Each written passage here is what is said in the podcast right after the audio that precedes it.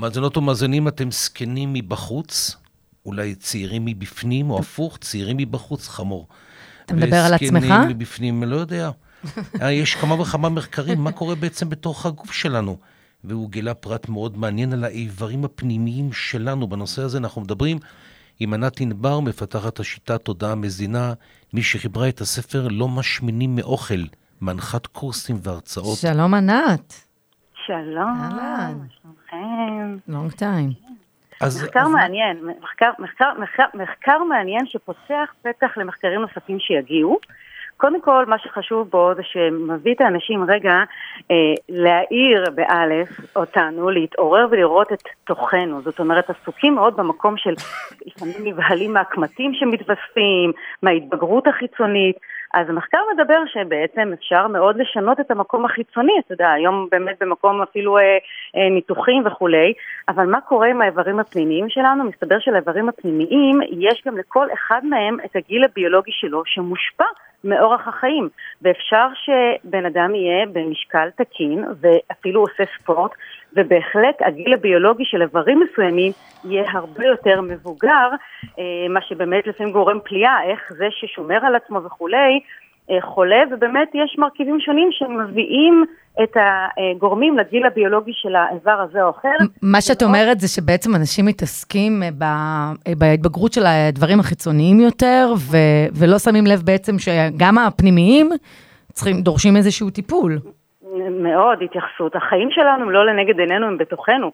זה מקור לחולי בימינו, גם הרעב הרגשי, ש, שאנחנו בעצם מח- מחפשים דרך אוכל מזיק צרכים חיוניים אה, רגשיים, וגם המקום של ההסתכלות החיצונית. אנשים כל הזמן פועלים בלהיות, להיראות צעיר, אבל מה קורה עם האיברים הפנימיים?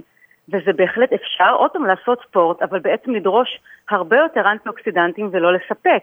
ובהחלט המחקר הזה גם מדבר על המקרוביוטיקה, על החיידקים במערכת העיכול שמאוד מושפעים מהתזונה שלנו. זה מחקר סופר מעניין כדי באמת להאיר את תוכנו, החיים הם לא לנגד עינינו ולכן גם ההתעסקות עם אוכל והשמנה היא שולית. גם בספר שלי לא משמינים מאוכל, אני אומרת, האוכל הוא לא, עזבו את האוכל, הוא לא מקור ההשמנה. לכן האוכל, המזון שלנו רלוונטי לכולנו. ובהחלט זה, זה מאוד מעניין שהאיברים שלנו מחוברים ביניהם, וגם לכל אחד מהם, בעקבות גנטיקה, בעקבות תזונה, בעקבות אורח חיים, יש השפעה על הגיל הביולוגי, ואנחנו יכולים בהחלט להשפיע על הגיל הביולוגי.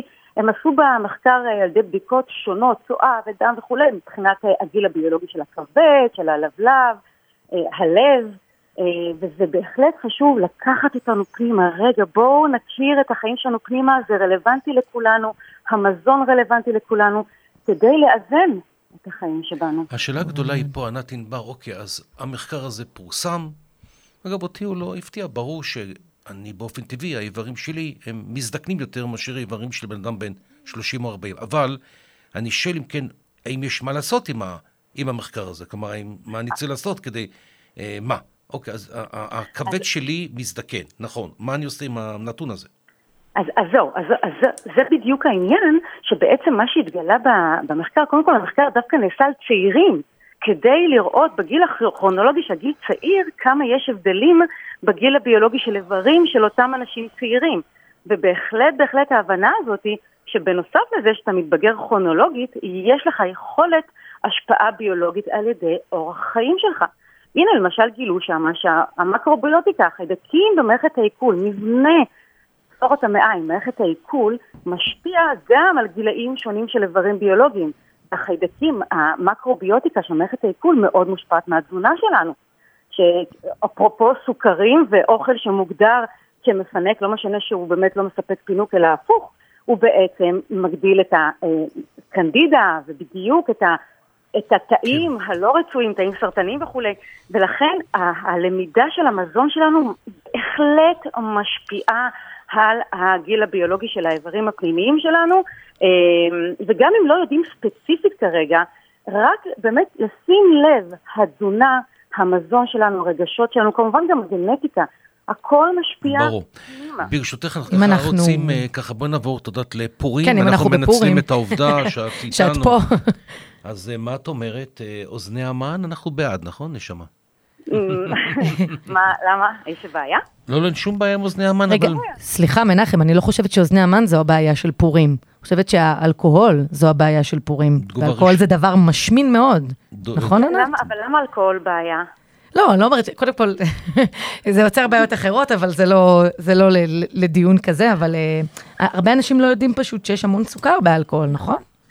אלכוהול בהחלט אה, סוכר, אבל גם אוזני המן וגם האלכוהול, אנחנו יודעים שהכל בעצם במידה מאוזנת אה, כשאנחנו ערים לשאר התפריט שלנו. אם אכלתי עכשיו קילו אוזני המן ולפני זה שתיתי קולה ובארוחת בוקר איזה קפה עם עוגייה ואחר כך איזה פיצה, אז הנז- הנזק יהיה גדול. אבל אם אכלתי אוזני המן, כי זה פשוט טעים לי, לא מפנק אותי, בהחלט אני מודעת לזה שזה מזיק לגוף שלי, אני לא, אין לי שום ציפייה שזה ינחם אותי או יפנק אותי.